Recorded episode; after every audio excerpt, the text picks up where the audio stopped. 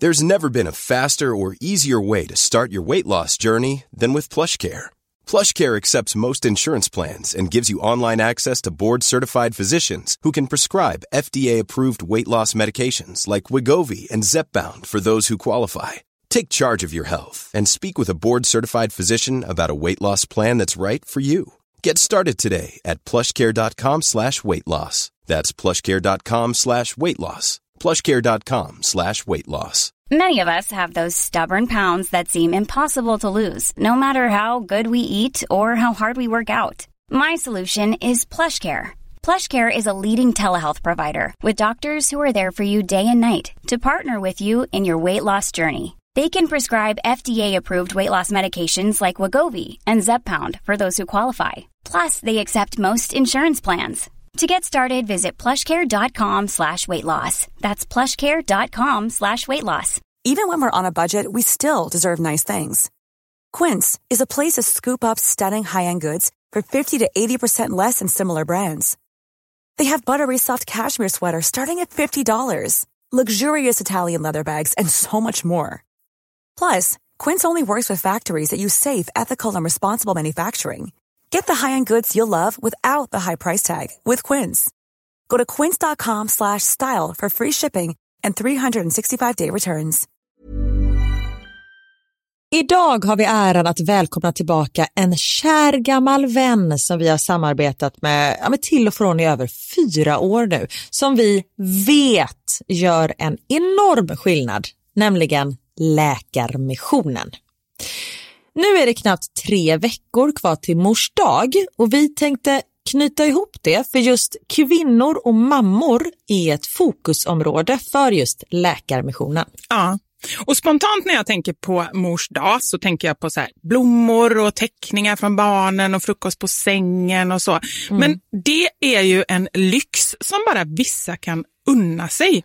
Men det finns en gåva som både du och jag kan ge en annan mamma och det är en gåva som räddar liv, nämligen en säker förlossning. Mm.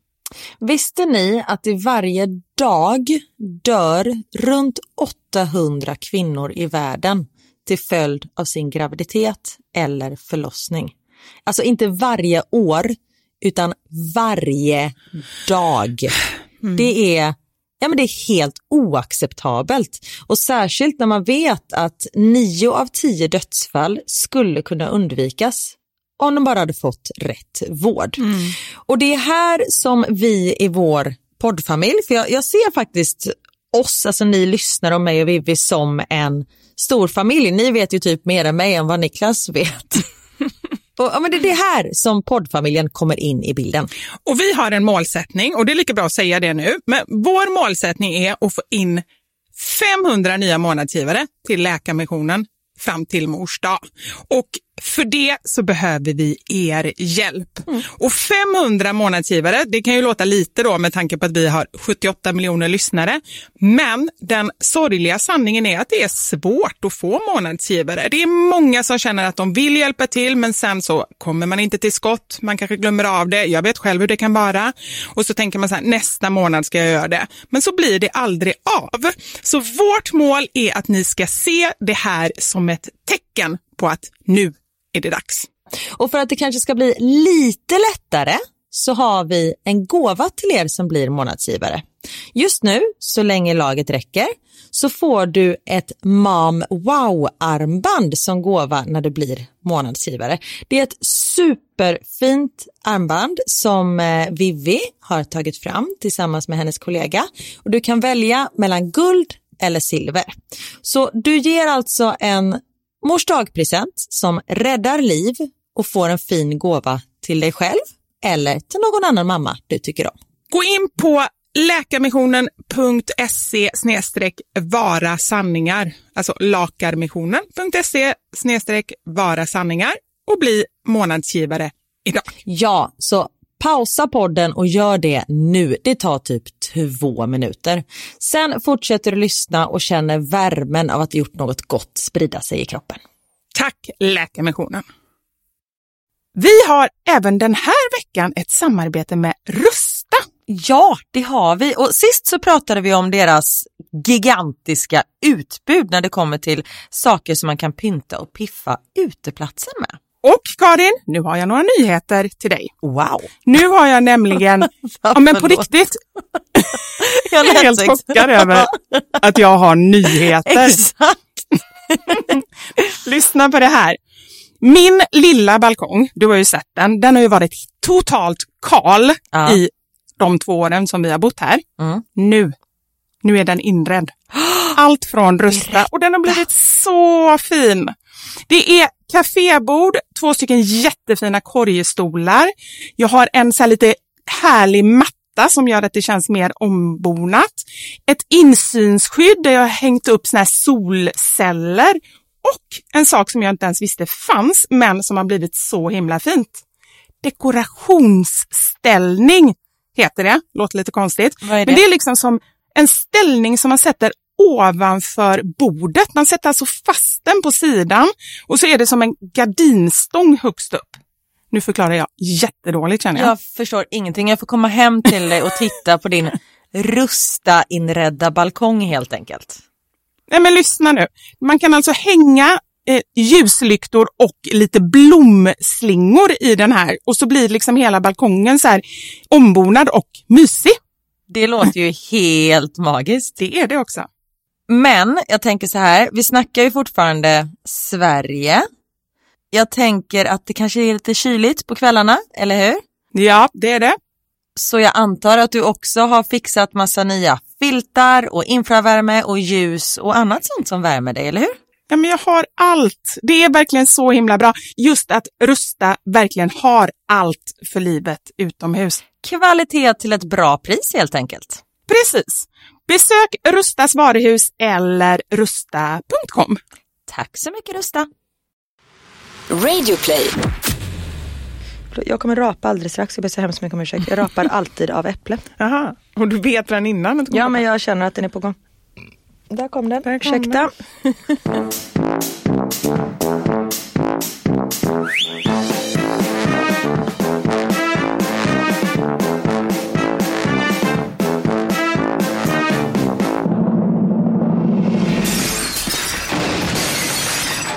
Mamma Sanja med Vivo Karin. Hej, hallå och välkomna till våran podd. Hej! Hej, hej Karin! Hej! Jag ber om ursäkt redan nu om jag råkar rapa. Ja men du är så rolig. det roliga är att hon säger så här, först tuggar du i ett äpple Ja. och sen bara, jag rapar alltid av äpplen. Mm, Jag bara, kunde du valt en annan frukt? Vi har så tio frukter. Jag vet, det är superdumt. Men då är min fråga, varför rapar jag av äpple? Vad är det som gör att man, för det är alltså varje äpple, det spelar ingen roll om det är grönt eller rött. Ingen aning, jag har Nej. ingen svar på det. Men du vet att mitt värsta är rapar. Är det sant? Nej, värsta är kräk. Ja. Sen kommer rapar. Alltså jag vill ju hellre att någon pruttar mig i ansiktet än att rapa mig i ansiktet. Är det sant? Ja, Nej, då det har jag hellre en eh, munhåledoft Doft, alltså det än är en en analöppning-doft i ansiktet. Ja, när du, du lägger fram det så, så Ja. kanske. Nej men det är någonting med det här gammal mat Ja. som jag inte riktigt klarar av som är samma med kräk. Liksom. Mm. Ja, jag hoppas att ni inte äter någonting Men jag tänker rap, då är det oftast luft. Nej, det är ju fisar också för sig. Ja. Med massa bajspartiklar i. Nej men okej. ja. Hej! Hej! Hur är läget? Förutom att du är lite... Rapig. Ja. Jo men det är fina fisken. Vilket uttryck. Ja, jag vet, jag kände Det är när jag sa lite det. säger göteborgskt, tror Ja, jag. det är fina fisken, här sitter jag utanför Feskekörka och det är fina fisken. Aha. Nej men det är eh, bra. Ja, härligt. Det är sommar, det är sol, det är koskit i hagen. Ja. Ja du hör ju, jag har ju tappat det. Hur mår du? Det är bra med mig också tack. Jag känner också mig liksom... Vi har pratat mycket om att vi har varit väldigt slitna under sommaren. Ja, men det känns ju som att hela tiden bara, hur mår du? Ja, men det är bra, lite trött. Ja, lite trött. Jag ser alltid lite trött och du ser alltid lite mycket att göra. Mm, men nu är det inte så mycket att göra för nu eh, när det här släpps, Ja. det här spelar vi in ganska långt i förväg, men när det här släpps då har jag nog flyttat till Bryssel. Mm. Det är Men- sinnessjukt Ja det är så. sinnessjukt. Men då har du säkert mycket att göra. Det har jag nog sjukt mycket att göra. Då sitter jag med massa IKEA-kartonger och ska pussla ihop allting och bara jag hatar det här! Ja. Så det är nog så mitt liv ser ut. just Men idag. just nu är det inte det i alla fall. Nej, nu är det lugnt och fint. nu är det eh, jättebra. mm, ja, härligt att höra. Det har ju blivit dags för en frågepodd. Ja men hur mår du? Jaha, ska vi prata om mig också? Ja, men jag tänkte bara... Sa jag inte innan att jag mådde bra? kanske, jag lyssnar inte. Nej men jag måste bara kolla av läget. Det måste man alltid göra. Ja, nej men jag tycker att det är bra. Det är liksom eh, men ganska lugnt. Liksom. Jag jobbar och eh, barnen är hos eh, sin pappa Mm. och de ska åka till Kroatien. Nej, det ska de inte. Vad är det de Nej, ska? Bulgarien. Nice. Nice. Ja, det är Frankrike. Ja, Frankrike. De var i Kroatien förra året. Och då var det jätteroligt för då skickade de så bilder från, med utsikt från sitt hotell. Så här fantastiskt, alltså, så fint. Och det var någon sån här vattenpark ute i vattnet. Alltså det var så här uppblåsbara massa grejer som kunde springa på och grejer. Gud vad roligt. Ja, det verkade superroligt. Så satt jag, så här, då jobbade jag på Metro på den tiden. Satt jag inne på kontoret, det var så här, världens dystraste utsikt och det så här, ösregnade utanför. Man bara, japp. Fy. Jag är glad för er skull. Ja men lite så. Men då var jag faktiskt väldigt glad för deras skull för jag bara kände att det här hemma är ju inte roligt just nu. Sen blev det ju väldigt fin sommar. Men ehm, nu ska de i alla fall åka till Nice. Så att, eh, för mig är det ganska lugnt. Jag kan fokusera på jobbet och jag vet att de har det bra. Alltså när man är separerad, Mm. fan vad barnen får resa och göra roliga grejer alltså. Nej men det är verkligen det. Och det, jag, Nu är det inte alla som har det så förstår jag också. Men det är ju många som får. Många för jag menar, ni det, var i ja. Ita- eh, Varför vill jag säga att ni var i Italien? Ja det vet för att ni åt jag. så mycket pasta. Ja precis. Nej men ni var i Frankrike, nej. Vi var på Mallis. Ni var i Spanien i två Ja. veckor och nu ska de till, det, ja. Fast jag tycker nästan lite synd om barnen också. Alltså inte synd om dem men så här, för att då blir det lite så här, jag tror att min mamma sa vid något tillfälle, åh ni bara reser och reser och ni förstår inte hur bra ni har det. Eh, Och då så sa de så här, men det, jag känner mig ansvarig när du säger så. Alltså som att jag gör något fel, jag kan inte hjälpa att liksom, jag får resa så mycket. Och det kan ju stämma lite också, att, för det känner man ju ja barnen sa så. Ja, Aha, ja. för att det blir så mycket så här, ni har det så bra och tänk på barnen i Afrika och ni har det så bra. Ja. Och det tror jag att de så de känner sig nästan skyldiga liksom. Och det är Mm. ju inte meningen, det är ju inte deras ansvar. Om vi skämmer bort dem med prylar eller resor eller grejer eller vad det nu än är så är det ju liksom, det är vi som gör det. Ja, och sen måste man också tänka på, ni vill ju också resa. Ja. Så ni reser ju inte bara för barnens skull. Nej, nej, nej, vi vill ju resa och Ja, vi vill precis. resa och umgås och vara med barnen liksom. Ja. Men eh, som sagt, det går ju ingen nöd på dem. Nej. Jag satt på en buss för ett tag sedan, det var innan jul, och så var det två snorungar i Vasastan som satt och pratade och bara, vad ska ni åka nu då? Nej men gud vi ska ju till Thailand över jul igen. Ja vi kör Dubai i år. Man bara, alltså ni är 12 år gamla och ni sitter där.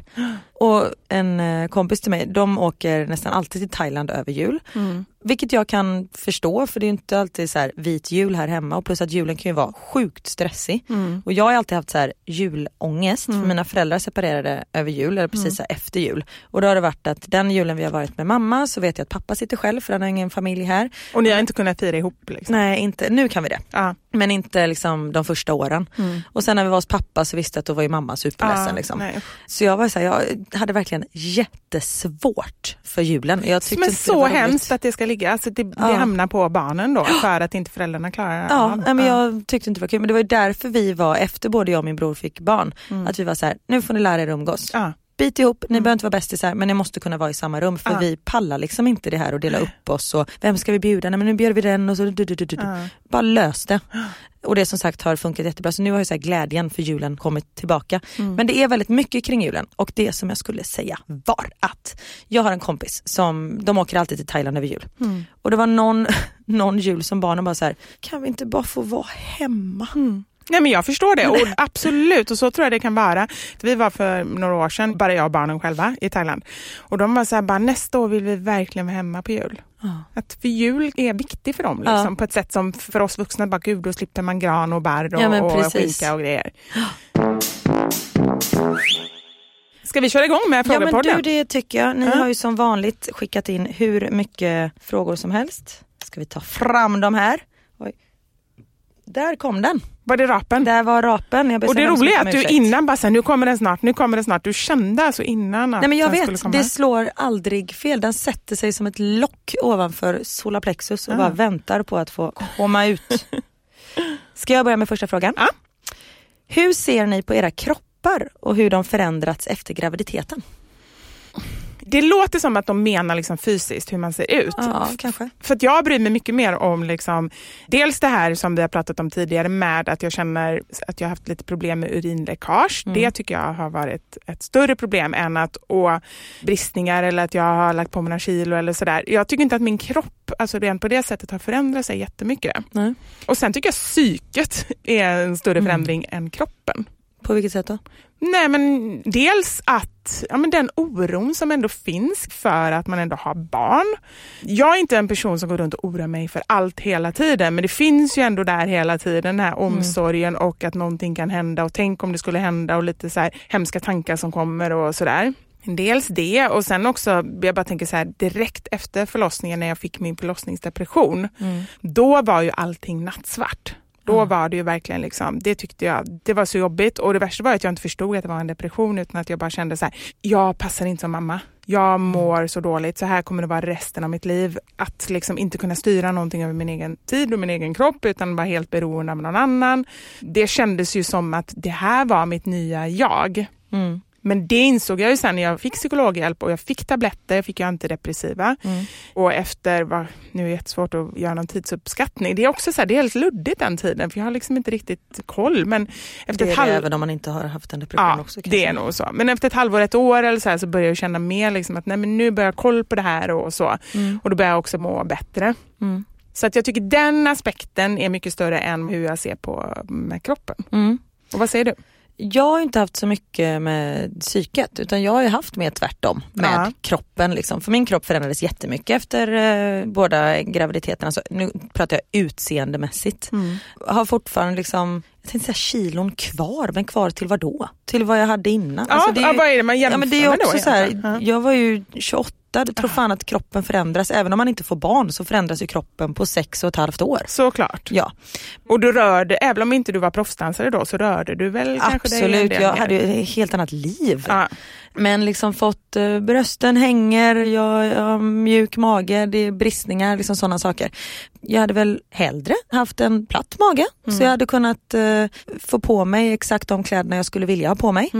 Men nu är inte så fallet och då får jag bara försöka göra det bästa av situationen och liksom tänka på vad min kropp har åstadkommit. Den har skapat liv, jag är stark, jag kan leka med mina barn, jag eh, orkar lyfta dem, jag kan springa efter dem när de flyr. Jag försöker liksom tänka på det sättet. För just nu kan jag inte, liksom, jag kommer aldrig se ut som jag gjorde när jag var 21. Men det har du en, vill det, Nej, så du faktiskt. känner inte någon så här ordn, för det tycker jag är en sån grej som, det skapar ångest och spara så gamla kläder Ja, jag eller vet, liksom jag så här, rensar i min garderob nu. ja, Då är det så här, du vet några klänningar som man bara så här, någon dag, Ja. någon dag. Som fast om jag någon dag skulle komma i den där klänningen, Ja. då kanske modet har förändrats lite. Då kanske jag vill köpa en ny klänning. Mm. Det är så här, varför hänger den ens här?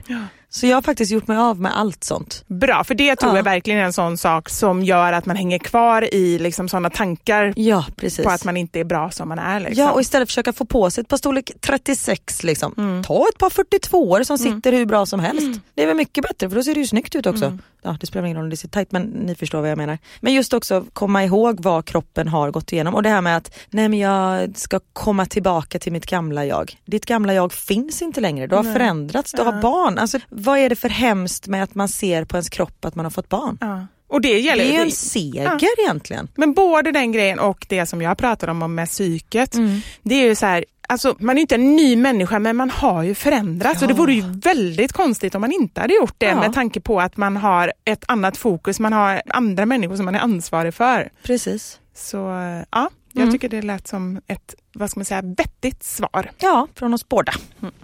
Här har jag fått in, har ni haft något riktigt konstigt jobb någon gång och vad det i så fall? Oj. Har du haft något konstigt jobb? Nej, men jag har haft så mycket konstiga dansuppdrag. Okej, vadå då? Nej, men alltså jag Dansa för kungen, typ? Nej men jag har undervisat prins Carl Philip i salsa. Har du? Ja. Jag har Va? haft en privatlektion med honom. Han fick det i 30-årspresent av sina kompisar. Nej men gud, det måste ju vara för att han ändå hade spanat in det eller någonting. Det vet jag inte. Men eh, de tyckte det var roligt att han skulle lära sig dansa och det var under Let's Dance-tiden. Liksom. Ah. Hur gammal var du då? Hur gammal är han? Jag har inte någon koll. Ja, vad kan det ha varit? Typ 10 år sedan kanske? Ja. åtta år sedan. Ja, något sånt. just det. Ja. Nu slängde jag ut att han var 40. Jag vet faktiskt inte hur gammal han är. Nej men han kan nog vara det. Ja, men jag något tror att han är, så här född eh, 79. Men det Ja. betyder, tänk, alltså nu ser jag framför mig att det inte är prinsessan Sofia utan det är prinsessan Karin. Fast jag är mycket äldre med Niklas. Ja men det är klart att du är, men jag får ändå bild framför Vänta, mig. jag måste tänka nu, eller vill jag verkligen? Jag slampa Ja, prinsessa. precis. Prinsessan da Slampa. Och den är bra. Hello, Princess da Slampa. Prinsess da Slampa Bernadotte. Ja, ja, det är bra. Nej, och det var ju väldigt konstigt för när jag frågade så här, jag bara, men hur ska man tilltala vad man säger prinsen? Jag bara, okej. Och det var han och jag i ett rum med salsamusik i tre timmar. Och jag började så här, ah, prinsen dansat någonting tidigare. Han bara, vad sa du? Har du dansat? Man bara, fuck sa jag, dua honom det första jag gjorde. Så du fuck också sen. Ja, nej det gjorde jag nog inte, det var väl lite stelt i början. Men sen så, man var så här, ja då ska prinsen ta ett steg tillbaka. Duktig prins. Alltså det var så här, man bara, det här går ju inte. Så, så till slut bara jag undvek det ordet så här, och så går vi bakåt och så går vi framåt. Ja. Och Det är sen, skitjobbigt. ja, men du, jag var helt slut i huvudet. Nej men sen så fråga efteråt, han bara förlåt får jag ta ett kort med dig? Jag bara får jag ta ett kort med dig? Alltså, så här, ja. Nej men på riktigt, han var, du var hans idol. Ja, men jag tror att han eh, Jag ser visste nog framför vem mig- jag var liksom. Ja men det är klart, han, jag tror han hade planscher hemma på dig. På väggen. För det hade man för tio år sedan, när man är 30 år Nej gammal. men kanske om man är prins. För de har ju ett helt annat liv. Nej men grejen med honom är ju, för vi, jag har träffat honom flera gånger i efterhand för jag jobbar ju lite med eh, Project Playground som prinsessan Sofia har hand om. ja. Så då har jag träffat både honom och prinsessan och de är ju som vem som helst. Ja det är ju det. Alltså, Men det måste ju vara jättejobbigt att folk inte i ett sånt sammanhang när det bara är Ja. ni två, att du ska säga Ja, prins. men jag hade står och håller honom på höfterna och Ja. bara nu ska du röra höfterna som en åtta, herr prins. Alltså, herr prins. Jag älskar också att det är så lite du. Ja, jag vet. Jag ju bara rör på röven! Och detta är ändå inte ditt konstigaste jobb. Nej gud det här var ju bara en vanlig dag på jobbet. Men det var ju superroligt. Har du någon mer eh, Ja. sån dansjobb? Detta var innan Let's Dance. Då skulle jag göra ett dansjobb för Odd Fellow. Det är så här ordersällskap i Göteborg. Där man, Jag vet inte för ordersällskap, det är också något sånt här adligt. Ja men precis, och man måste så här tjäna 10 miljoner om året för att vara Aha, medlem där. Bla, okej, bla, bla, bla. Mm. Så här, riktigt fint. Och detta var på Valand i Göteborg och då skulle jag komma dit. Då var det 50-årskalas för Mm. en av de här eh, snubbarna. Då skulle jag låtsas vara influgen från Brasilien. Va? Ja, och så skulle jag dra upp den här mannen, födelsedagsbarnet eller herren, på, eh, jag säger gubbe, för han Ja. var en gubbe. Inte för att han var 50 utan han var typisk sån fattar. gubbe. Ja. Dra upp honom på scen och typ dansa samba med honom. Mm. Och så jag bara, fast nu kan ju inte jag portugisiska. Eh, så jag vet inte, de bara, nej, Kunde men man hitta på något annat? Alltså, Jo man ändå- tycker ju det. Ja. Nej, men så då fick jag gå upp på scen och så här bryta på engelska. But I was talking like this. så jag vet ju inte hur man bryter. Så de bara så här, är hon från Ryssland? Eller jag bara, I'm from eh, Brazil and now we're going to dance. alltså du vet det var så dåligt. Och sen så efter så kom det var den som kom fram hon bara, oh I am from Brazil, fala portugis bla bla. Jag bara, no I don't talk eh." alltså det var så konstigt. Och sen jag har ju stått i Hoppas du fick bra betalt. Ja men det tror jag att jag fick, annars hade jag nog inte tackat ja till det här märkliga uppdraget. Jag har stått i tomtedräkt och dansat i snöstorm i Norge utanför eh, en sån här elektronikbutik. Tån, allt du tränger, utan pengar, tån! Vadå, var det någon slogan? Eller Ja vad det var det jag såg, Ah. för att locka in folk i butiken. Men folk var så här, varför står de och dansar jive i snöstorm? Alltså det är ju jättekonstigt. Jag har stått i bilhallar och dansat när det inte är några folk. För de är så här, vi ska dansa varje timme. Så bara, fast nu är det inga här. Nej men vi dansar för personalen. Alltså det är ju liksom, ja gråter. herregud. Nej, men, gud. Ja. men på riktigt, jag bara undrar, så här, den typen av uppdrag, och det är nästan så här det värsta, jag tänker att om man kanske skulle vara författare eller någonting, Ja. och så ska man ha så här boksignering, och så kommer inga människor. Men jag vet om man sitter Ja, där. men jag såg det någon gång i ett köpcenter, så satt så här, men det var ändå någon stor författare, jag kommer inte ens ihåg vem det var. Kan ha Guillou. varit, ja men typ, eller Leif, jo men det var ju så här Leif GB eller vad heter han som är orange i ansiktet? Eller som folk brukar säga att han är lite orange. inte Jag bara Trump. Donald Trump. Nej, Han hade men det var- ingen som var där. Vem Nej, men? Ja, eh, b- han eh, som pratar så här. Han heter Björn Ranelid. Ja, Björn Ja. Ranelid ja. ja. Jag var inte jättebra på att imitera honom. kände. Nej, jag har ingen aning om hur han Nej. låter. Men det var någon ändå så ganska stor och det var inga människor där. Och jag bara kände så här, folk känner igen för alla gick ju som jag liksom och spanade, så här, varför sitter han där helt själv? Men Man kör ju ljudboken. Man orkar ju inte skaffa en bok. Nej, skaffa, nej men det är ju lite, det är säkert en anledning. Men jag tänker mig också så här, att dansa då, det är ju ännu värre. Ja, men det är så konstigt. Och, så, Ja. ah, jag vet fan. och grejen var, jag var ju så typ nio år och mamma skickade iväg oss själv till Norge för att göra dansjobb. Nej, Är det ens sant? lagligt? Ja. Mamma har sagt det efter och bara, det var ju superkonstigt att ni åkte iväg själva. Ja. Sen var det ju lite äldre dansare också. Men eh, nej, väldigt märkligt.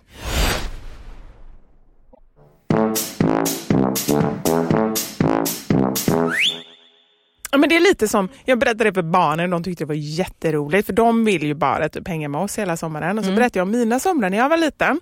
Och det är också mycket för att min mamma då var ensamstående med mig så fick jag ju åka iväg på massa konstiga grejer för att hon behövde få lite ledigt på sommaren. Det kan Ja. man ju förstå nu. Men så läger typ. Läger ja. Ja. Och jag har varit på så mycket konstiga läger och många av dem får hon hade ju inga pengar heller så det var ju så här typ subventionerat. Så det var så här, hon letade väl efter gratis läger vilket innebär då att det blir väldigt konstiga saker. Jag har varit på ett kristet tältläger. Och ingen av oss säger så här, jag tror på Gud men det är inte så att vi är kristna, absolut inte Nej. min mamma liksom. Är du troende? Jag vet inte, men jag tror på något. Jag tror Ja. på Gud. Jo, jag tror på Gud, men jag vet Ja. inte så här, om jag är kristen eller jag har inte någon så här särskild religion. Liksom. Nej. Nej. nej, men då fick jag åka dit och det var ju så böner hela tiden och grejer.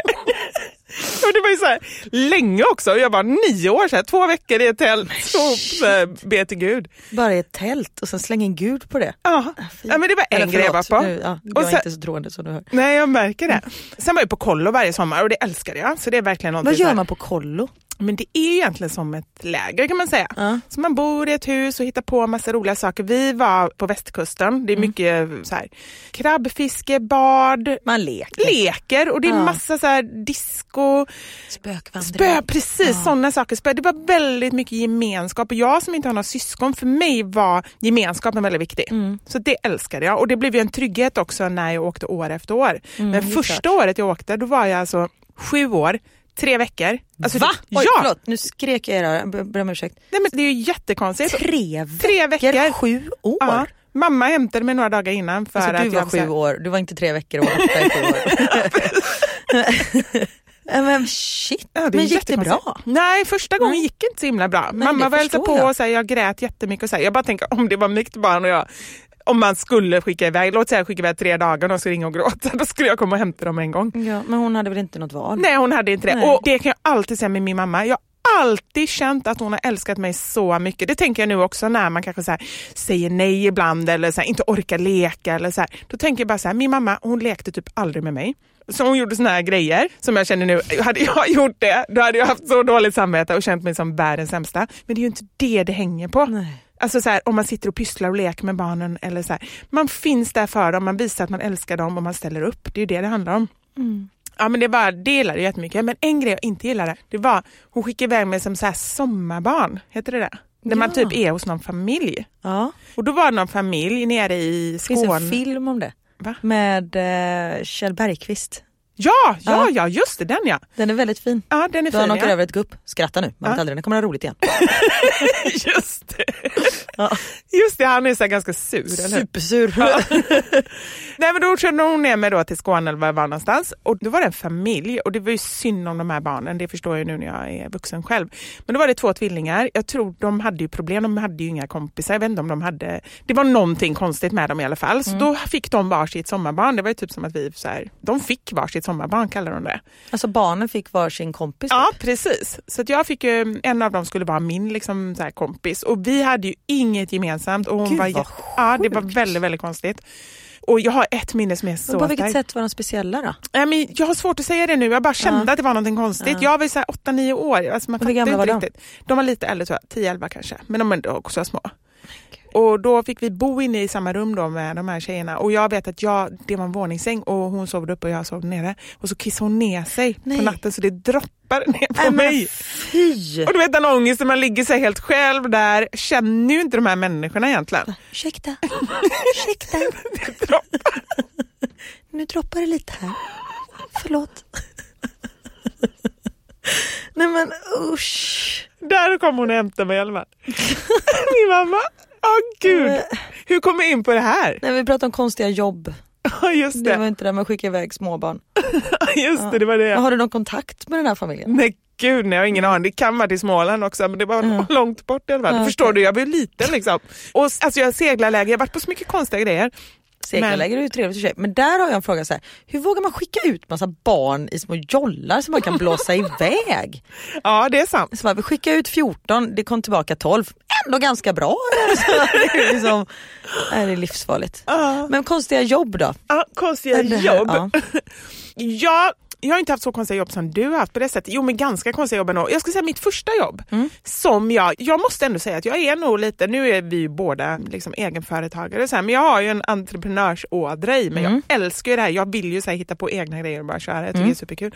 Mitt första jobb, då skaffade jag en korvvagn. Och inte vilken- alltså stod typ utanför Ullevi? Eller vad? Ja, ja precis, jag var en av de som stod Va? utanför Ullevi. Ja, det är sant. Vi köpte en korvvagn, svindyr var den för den var så här rostfri stål. Man hade ju kunnat köpa något mycket billigare antar jag. Den kostade 10 000. Oj, det var... Så det var mycket pengar på den tiden, jag var 18 år. Liksom. Men jag och min dåvarande pojkvän och en kompis köpte den här tillsammans. Och då var målsättningen liksom att bara åka runt och sälja korv. Och det hade ju inte koll riktigt på reglerna. Och det insåg vi efter ett tag att det var massa regler. Man var ju tvungen, ju jättemycket regler. man ju tvungen att ha så här rinnande vatten. Oj, Det ja. hade vi ju inte. För att det är är bara Mölndalsån är ju precis här, det rinner, det är vatten. så. Kanske inte så rent men... Vad är det som flyter där? Det, är det en arm? Ja, äh, ta ett durkslag. Jag älskar att du skrattar så mycket. gråta. Förlåt. Åh herregud, ja, men ungefär det var lite så när vi insåg så här att det var massa regler och man fick ju inte heller stå vad som helst. Det var ju Det olika är därför liksom. det inte står folk. Precis. Så vi åkte ut liksom på måfå och ställde oss någonstans, typ så här Ullevi eller någonting och då kom ju poliser, då var vi tvungna att springa med den korvvagnen. Och den vägde så här tre ton, alltså den var ju inte lätt heller. Så, så gömma oss någon annanstans. Åh herregud, så den sommaren höll vi på med de här korvarna och det var ju vi var nere i Hultsfred som vi bara så fick föra så här, men där måste man ju åka och sälja korv. Och så åkte vi ner där så, och då var min mamma med vilket också är jättekonstigt. Varför var hon med där och sålde korv? Vivian, de vill ha korv här borta!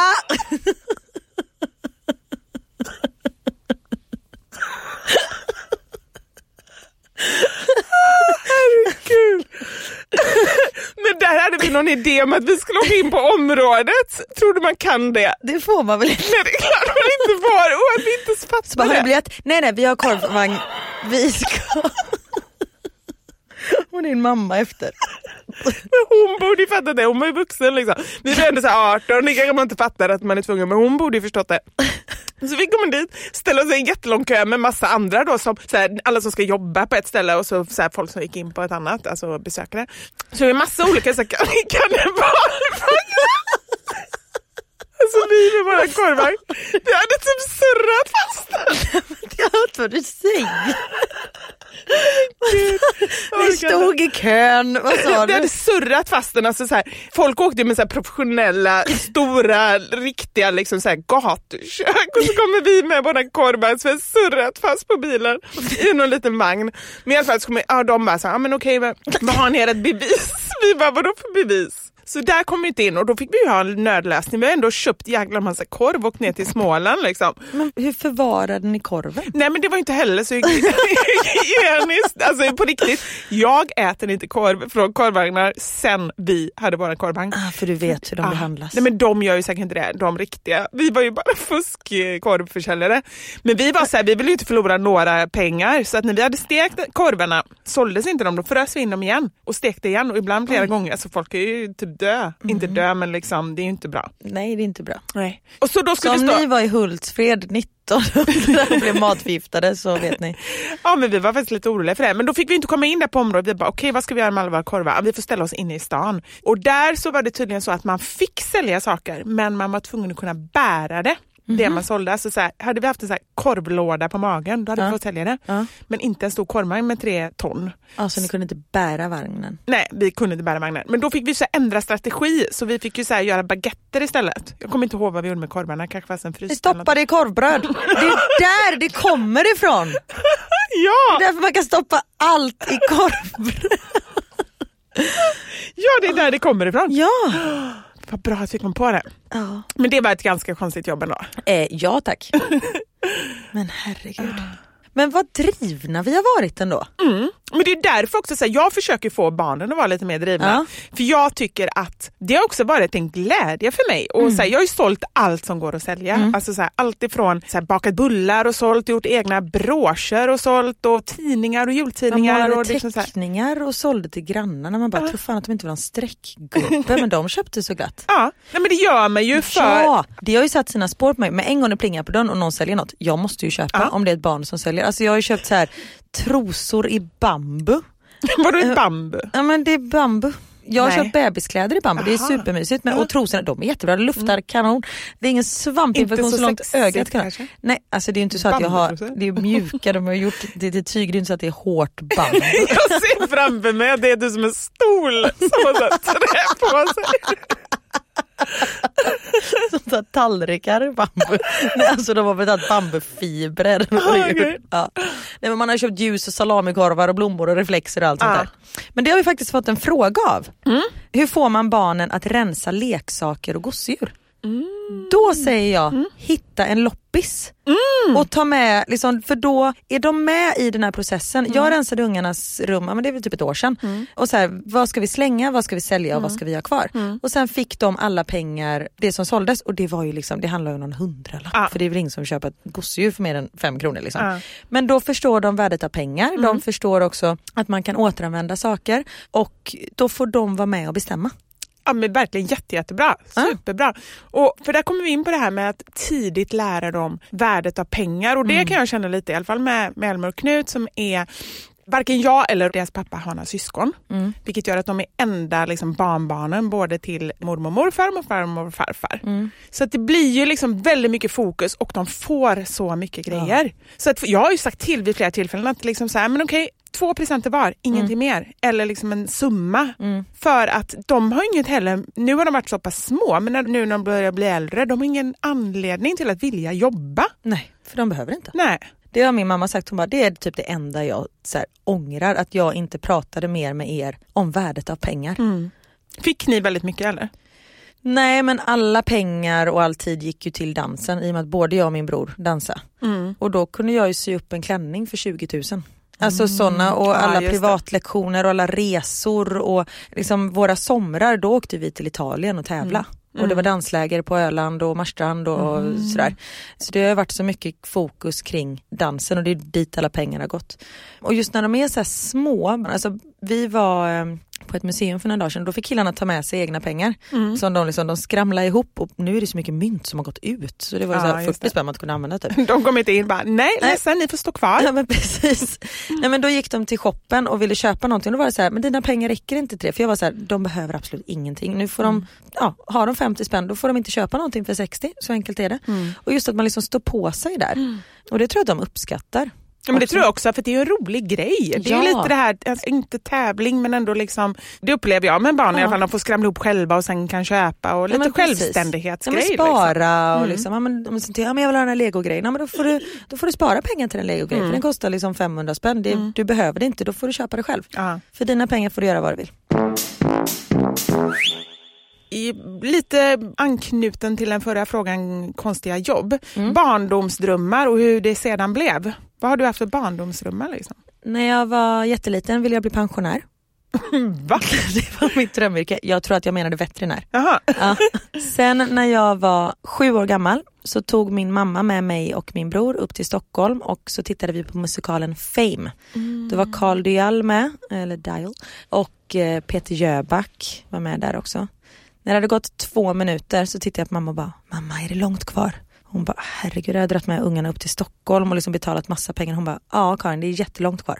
Bra! Och så bara lutade jag mig tillbaka.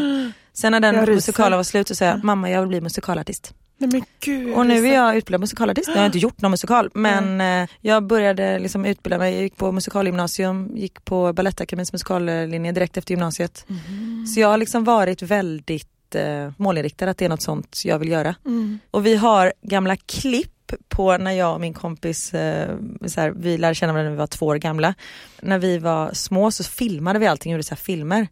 Då leker jag hallåa när jag är åtta år gammal och bara hej och välkomna till TV4, klockan åtta går bla bla bla bla bla. Och det har jag sett i efterhand, detta kommer inte jag ihåg liksom, utan jag fick de här banden när hon skulle gifta sig. Jag bara, men gud jag har jobbat som hallåa i liksom tio år.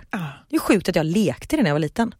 Men jag tycker ändå att det är så fascinerande för jag berättade ju lite om min målmedvetenhet när jag fick mitt första tv-jobb. Berättade jag i ja. en annan podd. Och du har ju gjort samma sak. Alltså Ja. så här, ända sedan du var liten, du har vetat vad du velat och du har ändå kämpat för ditt mål. Det är därför jag är lite rädd nu när vi flyttar till Bryssel och jag liksom inte kommer vara i ropet. Säger man så?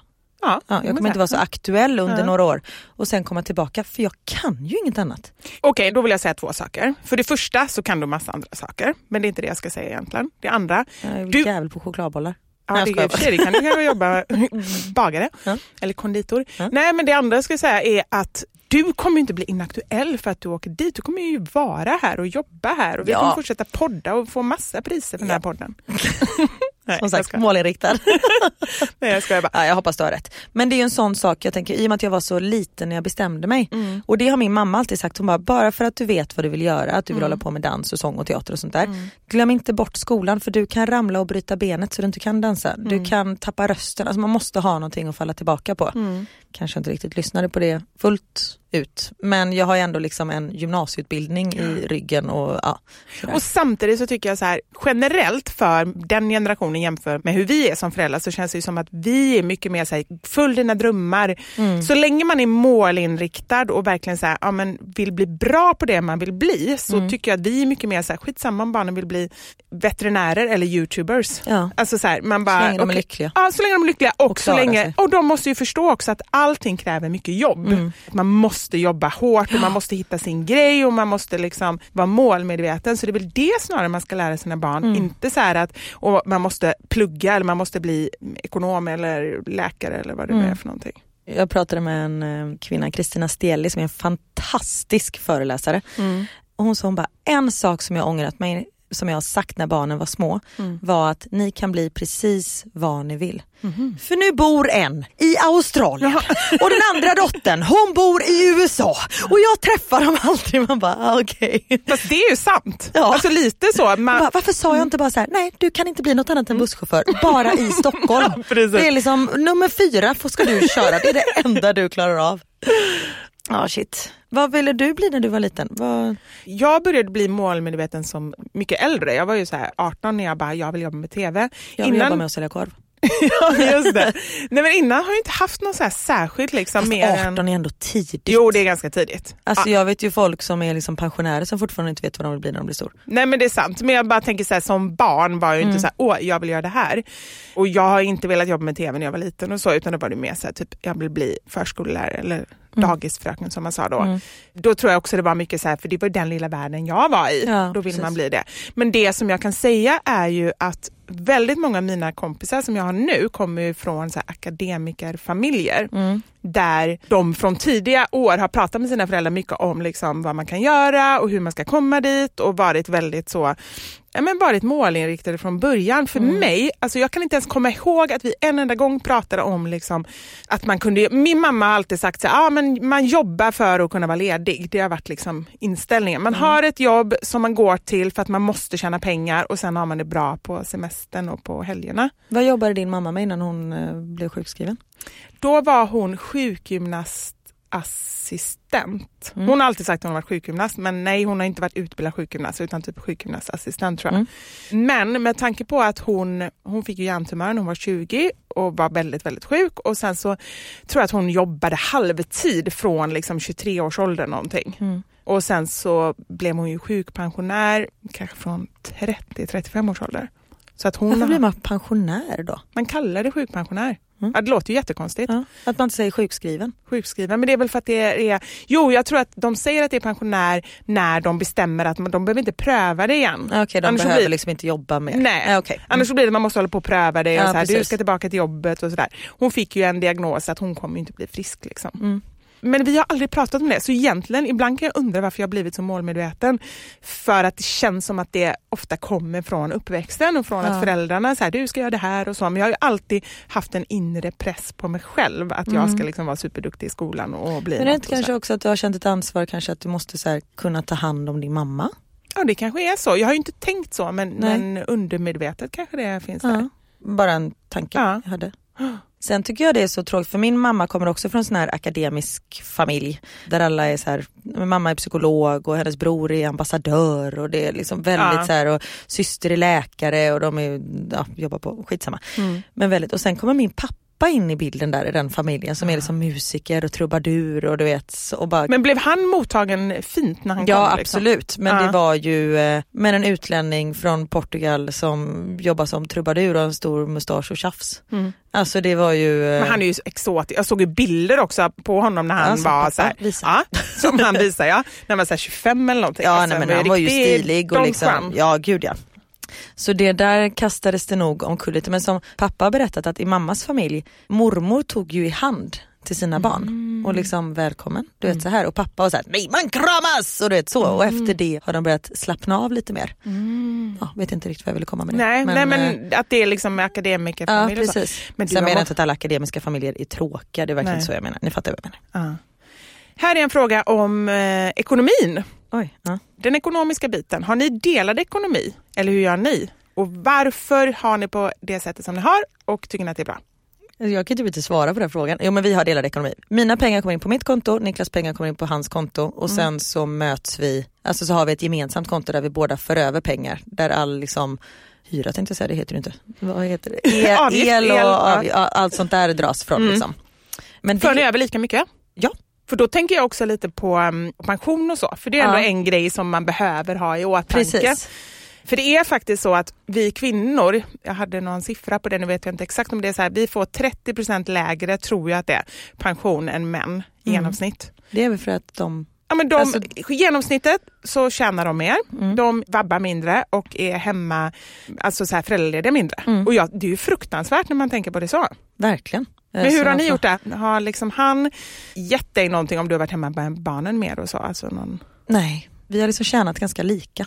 Så. Mm. Det- Och det är inte så här att jag köper kläder till mig själv från vårt gemensamma konto. Utan Nej. det tar jag från mitt konto. Mm. Och sen blir det att jag, eftersom jag handlar mer mat för jag jobbar de tiderna och har mer möjlighet till det. Då tar jag ifrån mitt konto också. Och då kan det ju vara ibland så här, men fan, kan du, jag handlade så mycket mat nu, kan inte du föra över en tusenlapp till mig? Alltså vi väl ganska öppen kommunikation där. Så det är inte så att mat och så handlas från det gemensamma kontot? Nej det borde det väl vara Ja. egentligen men så har det inte blivit. Men sen är det ju så här, ibland jobbar jag jättemycket och tjänar jättemycket pengar Mm. och ibland kan det gå tre månader utan att jag typ har någon inkomst. Mm. Medan Niklas är liksom statligt anställd och kan typ inte få sparken. Så vi har en väldigt öppen kommunikation och jag har väldigt dålig koll och mycket ångest.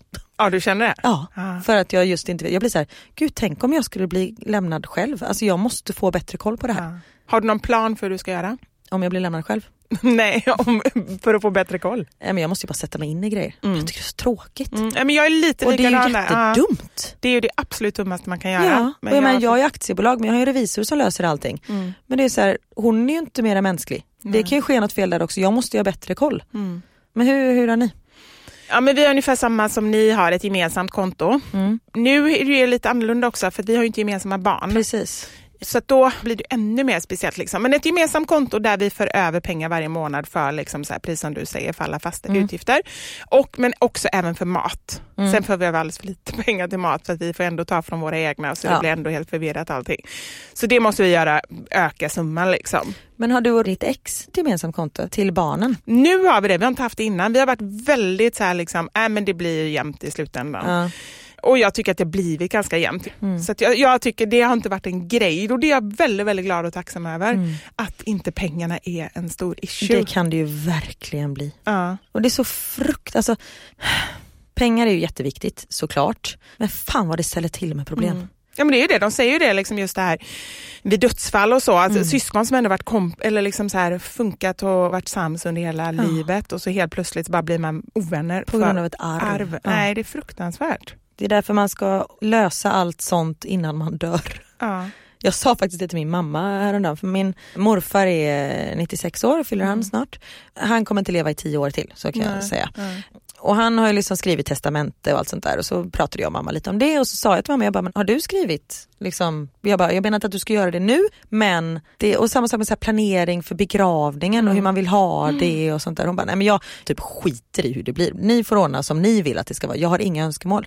Och det är ju också sån grej som Nej, men att man kanske sätter sig ner och så här, skriver så att det inte blir massa diskussioner.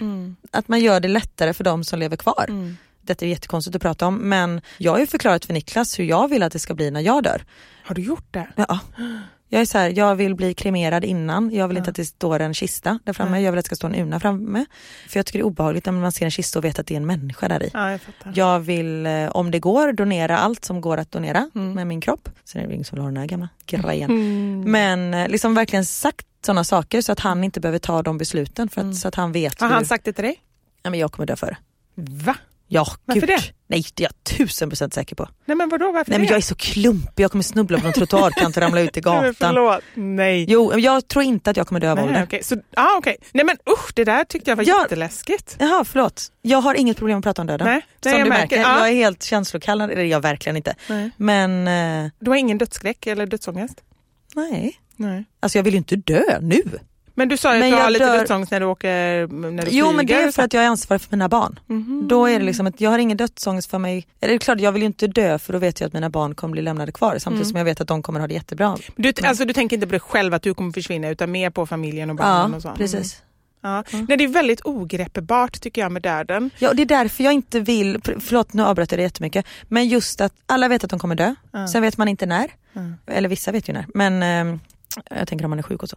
Men att jag vill liksom inte lägga någon energi på någonting som jag inte vet Jag eller kan det är- bestämma över. På riktigt så tror jag att man mår som allra bäst om man kan ha den inställning som du har. Ja. För att alltså just det här, jag vet ju så många som verkligen har riktig ångest för döden och har riktig så här, hypokondri. Mm. Förstå hur mycket det kan förstöra Ja. i livet. Att gå omkring och oroa sig jättemycket för Mm. att man ska dö eller liksom vara sjuk och så. Mm. Så att jag tror man mår som bäst om man kan vara som du. Ja. Sen har jag väldigt mycket för barnen. Mm. Alltså jag är så rädd, och med Leia jag är så rädd att jag så här, du vet, missar någon knöl som kunde vara en tumör om jag hade sett den innan. Alltså, sådär om de har ett litet bett någonstans, bara, men gud kan det här vara någon cancer, hudcancergrej? Så bara, nej det är ett myggbett, ah, okej. Så där har jag mer så, men inte för mig själv. Är du rädd för döden? Eller rädd, jag vet inte vad man säger. ens. Nej men jag kanske inte är lika obekymrad som du verkar vara men Ja, Jag låter ju helt känslokall, det är jag inte. Nej, jag fattar. Mm. Nej men inte lika obekymrad men inte heller sådär superångest. Jag har mer ångest för livet i så fall. Mm. Alltså för saker i livet än för döden. Ja. Jag tror också att jag förstår inte liksom. Som det är nu men vad tusan, självklart om någonting skulle hända. Ja. Eller så här, jag tror ju liksom skulle man få en sjukdom eller så, det kan ju vända Ja, så snabbt. Precis, Mm. och det är det jag menar att då är det onödigt att börja stressa upp sig för det nu. Ja, man om man kan sen. tänka logiskt på det så Ja. är det ju det. Precis. Mm. Och också vi har en nära eh, släkting som är sjuk.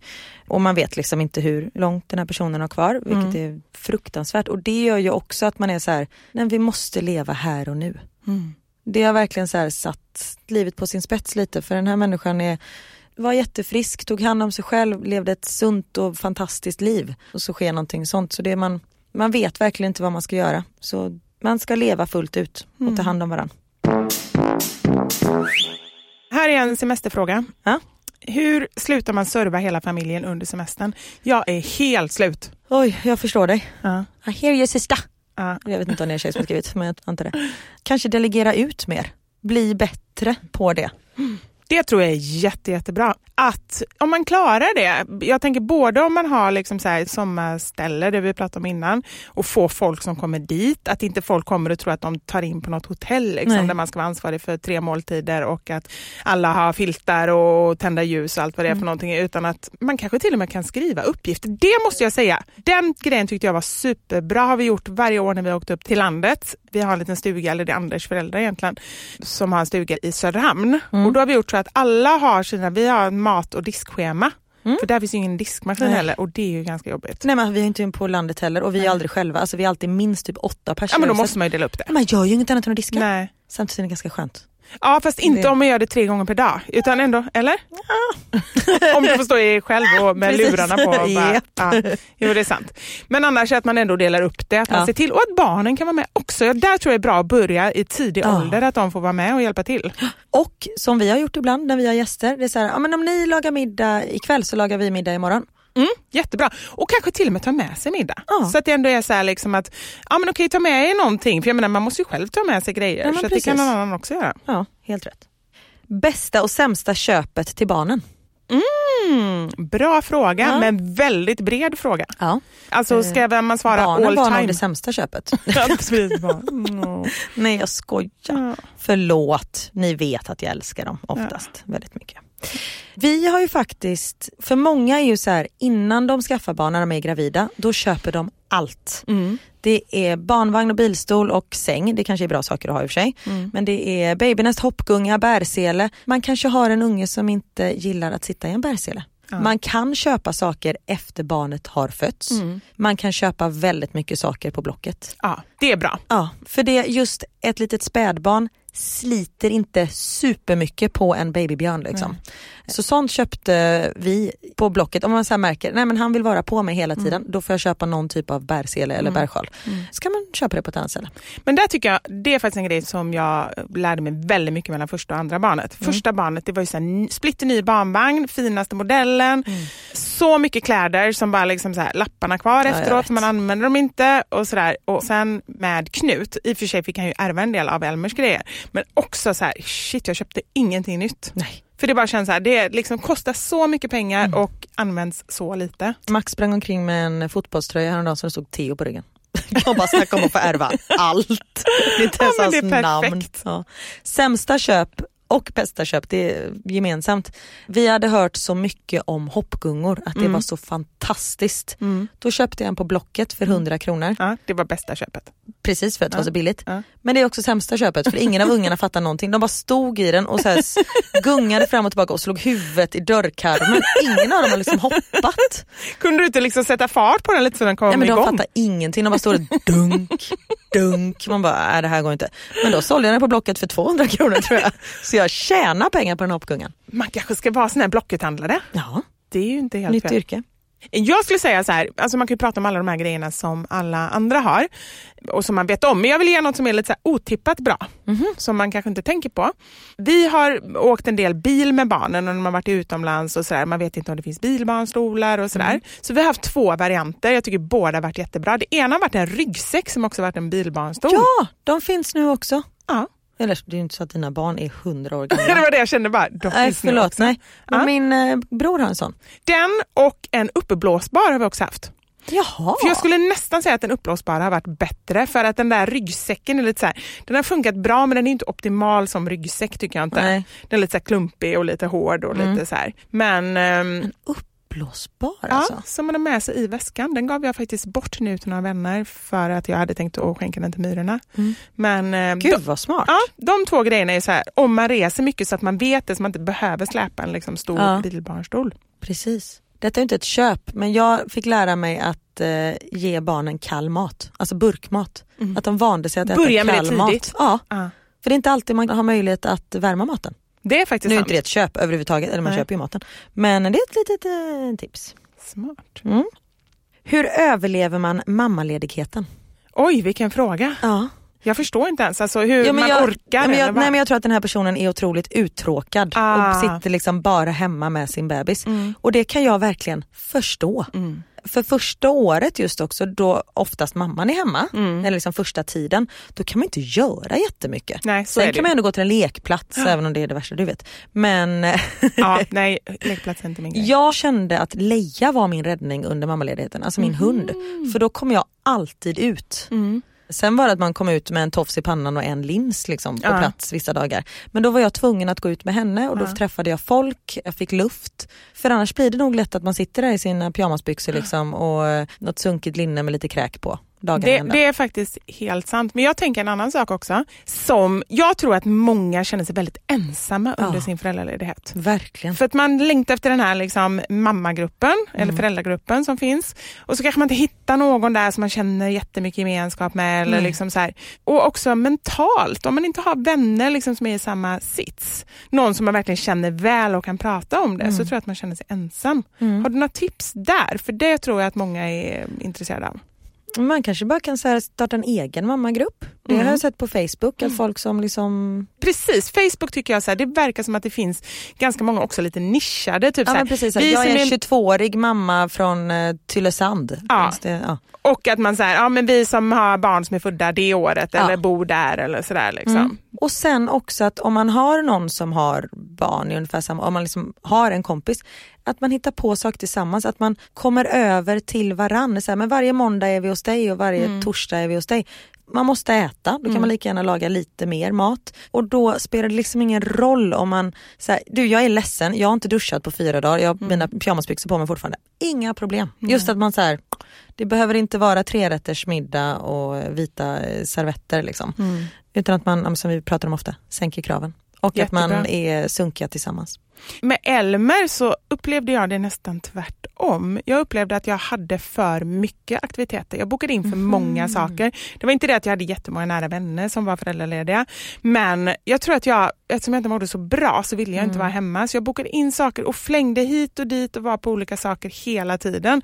Så efteråt så kände jag bara så här, men liksom, varför kan jag inte bara ta det lugnt och vara med min bebis? Jag tror att jag kände, jag trodde att han behövde den här yttre stimulin. Ja. Och liksom gjorde så behöver mycket konstigt. Det behöver de ju verkligen inte. Så De jag, ser ju för fan två decimeter fram. Alltså på riktigt.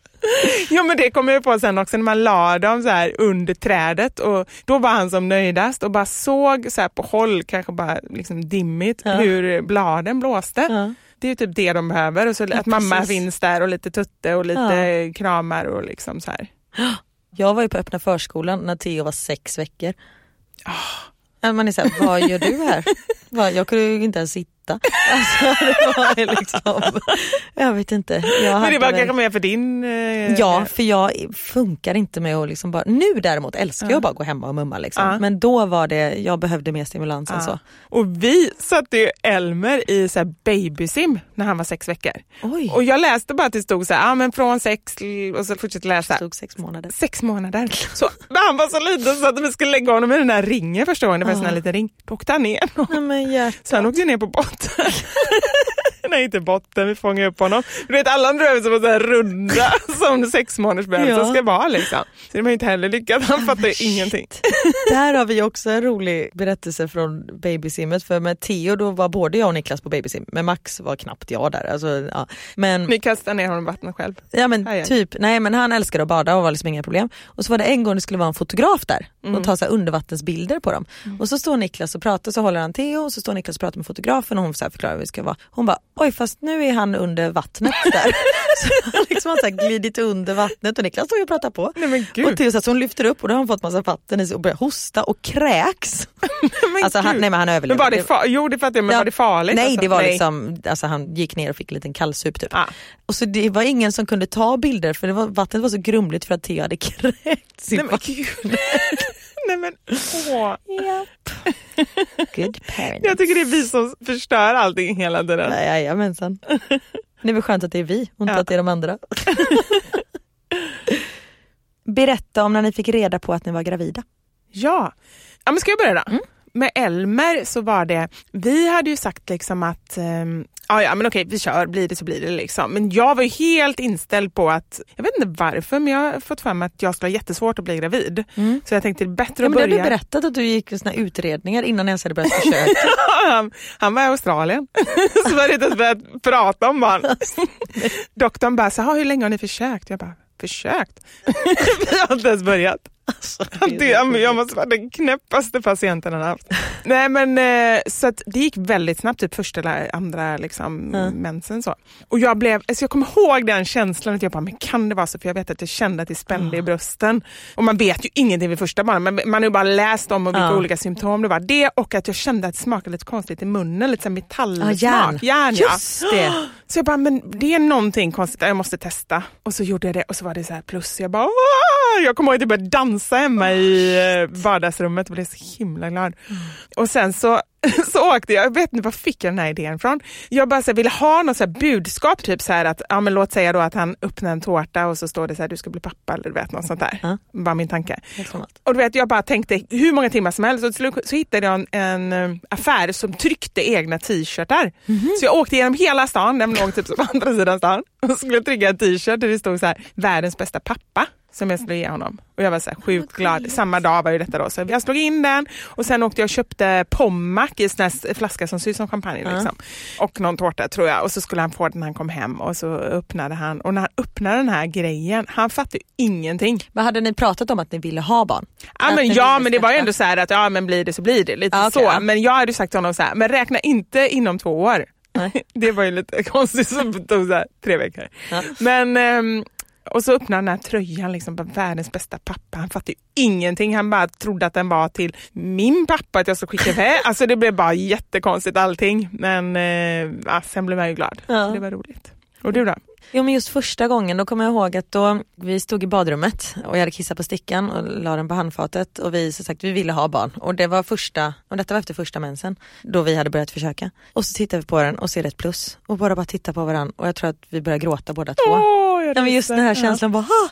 Sen gick ju inte den graviditeten hela vägen utan vi fick ju missfall där i vecka 13. Så med Theo sen så blev vi så här, okej det är positivt men ja, man vet aldrig, alltså vi vågade inte ta ut någonting Ja men det förstår jag. Ja. Och sen med Max tog jag fem graviditetstest. Jag var 100% säker på att jag var gravid. Alla var negativa. Jaha. Men till slut, jag tog ju dem alldeles för tidigt. Ah. Men sen till slut, och detta var liksom under ja, samma vecka Samma om man säger så, ja, samma försök eller vad man ska säga. Och då sitter vi också i badrummet på Kungsholmen kommer jag ihåg. Och eh, jag bara, men jag är säker Niklas bara, men du kanske inte ska så här, vi kanske bara får fortsätta. Jag bara, men jag är gravid, jag är säker på det. Ja. Och sen efter så här, ja, en vecka och fem stickor senare, då var det ett plus. Jag bara, jag sa ju det. Ah. Ja, det finns ingenting härligare Nej. än eh, den känslan och liksom det här. Ja, det är bara någonting, ja det är magiskt. Ja, och just att man så här vet att men hela vår framtid kommer förändras nu. Ja. Nej shit. Fan nu vill jag ha en till bebis. Ja. Ugh, och jag måste kissa så vi måste avsluta. Inte, inte kissa på stickan. Nej det ska jag inte göra, inte nu. Nej. Men hörru, Mm. vi har ju eh, svarat på massa frågor. Ja. Alltså, ibland kan jag känna att vi, vi hittar på egna frågor till varandra och så här, svarar på helt andra frågor. Ja. Men eh, såna är vi. Såna är vi och eh, vi hoppas att ni tycker om hur vi är. Ja. Vi tycker om er. Det gör vi verkligen. Tack snälla för att ni lyssnar. Om ni vill ha mer av oss så kan ni gå in på youporn. Oh, jag skojar. Nej. Va? På Instagram, där heter jag da Silva Karin och så bloggar jag på mamma.nu. Och mig hittar ni på Mammasanningar och på Fixa själv på Instagram. Yes. Vi hörs snart. Tack för att Fan ni finns. vad jag gillar att sitta här och köta Ja, med er. jag med. Jag vill inte att det ska vara inte slut. jag heller. Åh. Tack för idag, puss och kram. Puss, hej hej!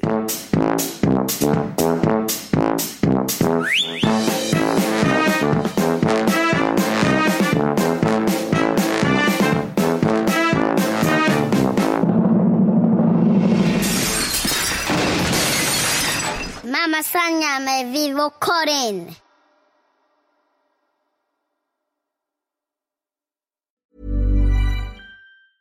Mom deserves the best, and there's no better place to shop for Mother's Day than Whole Foods Market. They're your destination for unbeatable savings, from premium gifts to show-stopping flowers and irresistible desserts. Start by saving 33% with Prime on all body care and candles. Then get a 15-stem bunch of tulips for just $9.99 each with Prime. Round out Mom's menu with festive rosé, irresistible berry chantilly cake, and more special treats. Come celebrate Mother's Day at Whole Foods Market. Planning for your next trip? Elevate your travel style with Quince. Quince has all the jet setting essentials you'll want for your next getaway, like European linen, premium luggage options, buttery soft Italian leather bags, and so much more. And is all priced at 50 to 80% less than similar brands. Plus, Quince only works with factories that use safe and ethical manufacturing practices. Pack your bags with high-quality essentials you'll be wearing for vacations to come with Quince. Go to quince.com slash pack for free shipping and 365-day returns. Hi, I'm Daniel, founder of Pretty Litter. Did you know cats tend to hide symptoms of sickness and pain? I learned this the hard way after losing my cat, Gingy. So I created Pretty Litter, a health monitoring litter that helps detect early signs of illness by changing colors, saving you money and potentially your cat's life. Pretty Litter is veterinarian developed, and it's the easiest way to keep tabs on your fur baby's health right at home. Go to prettylitter.com and use code ACAST for 20% off your first order and a free cat toy. Terms and conditions apply. See site for details.